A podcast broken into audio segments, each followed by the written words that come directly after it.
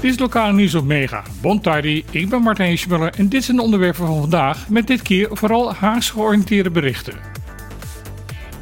ZJCN zal over 9 dagen het zorgcontract met Medisch Laboratorium Bonlab definitief beëindigen.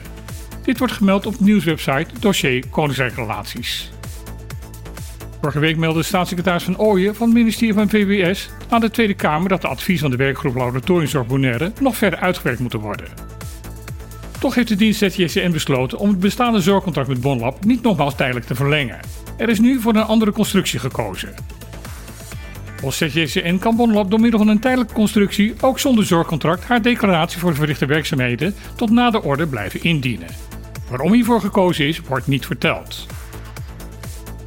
ZJCN wil al jaren dat Bonlab gesloten wordt. Volgens de dienst is het openhouden van twee laboratoria Bonaire te duur en is het lab van het ziekenhuis Mariedal meer dan voldoende.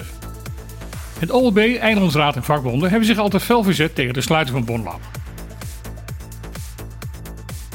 Een andere nieuwswebsite, Bonaire nu weet te melden dat er een grootschalig integriteitsonderzoek gehouden zal gaan worden bij de Rijksdienst Caribisch Nederland. De website zegt in haar berichten dat dit gehoord is van doorgaans goed ingewijde bronnen. Bonaire.nu laat doorschemeren dat de redactie ook weet welke afdeling van RCN het hier betreft, maar laat zich daar verder niet over uit. Wat wel gemeld wordt is dat volgens de bronnen er een speciaal onderzoeksteam uit Nederland overgevlogen zal gaan worden. Bij navragen bij een woordvoerder van RCN kreeg Bonaire.nu te horen dat er bij mogelijke integriteitsonderzoeken geen reactie wordt gegeven. Als het aan het huidige demissionair kabinet ligt, zullen er uiterlijk 2025 alle inwoners van Caribisch Nederland een zogenaamd burgerservice-nummer gaan krijgen. Daarmee krijgen de bestbewoners toegang tot de zogenaamde digitale overheid. Hiermee kunnen zeer veel zaken die verband houden met de overheid, zoals uitkeringen, verblijfsvergunningen, pensioen, maar ook het regelen van een bankrekening, online geregeld gaan worden. Deze dienst komen dan ook beschikbaar voor de lokale overheden op de eilanden. Volgens staatssecretaris Van Huffelen van Koningsrijksrelaties en Digitalisering wordt hiermee het leven van de bewoners van Caribisch Nederland een stuk makkelijker. De afgelopen jaren is in de Cariben veel te doen geweest over het sluiten van huwelijken tussen personen van ongelijk geslacht.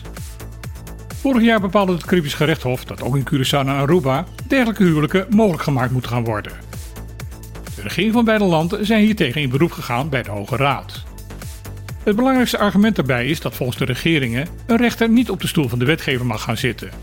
Volgens hen is dat hier wel gebeurd.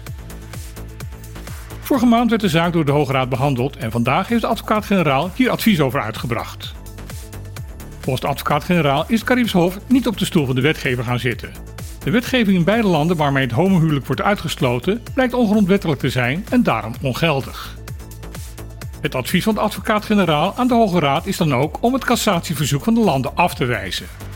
Meestal wordt een dergelijk advies door de Hoge Raad overgenomen. De definitieve uitspraak is in mei 2024. Dit was weer het lokale nieuws van deze week. Morgen van 12 tot 2 het programma Op de Klippen op deze zender.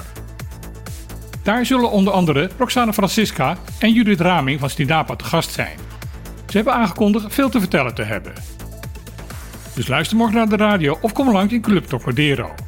Voor nu wens ik iedereen een rechtvaardig weekend toe en dan heel graag weer tot maandag.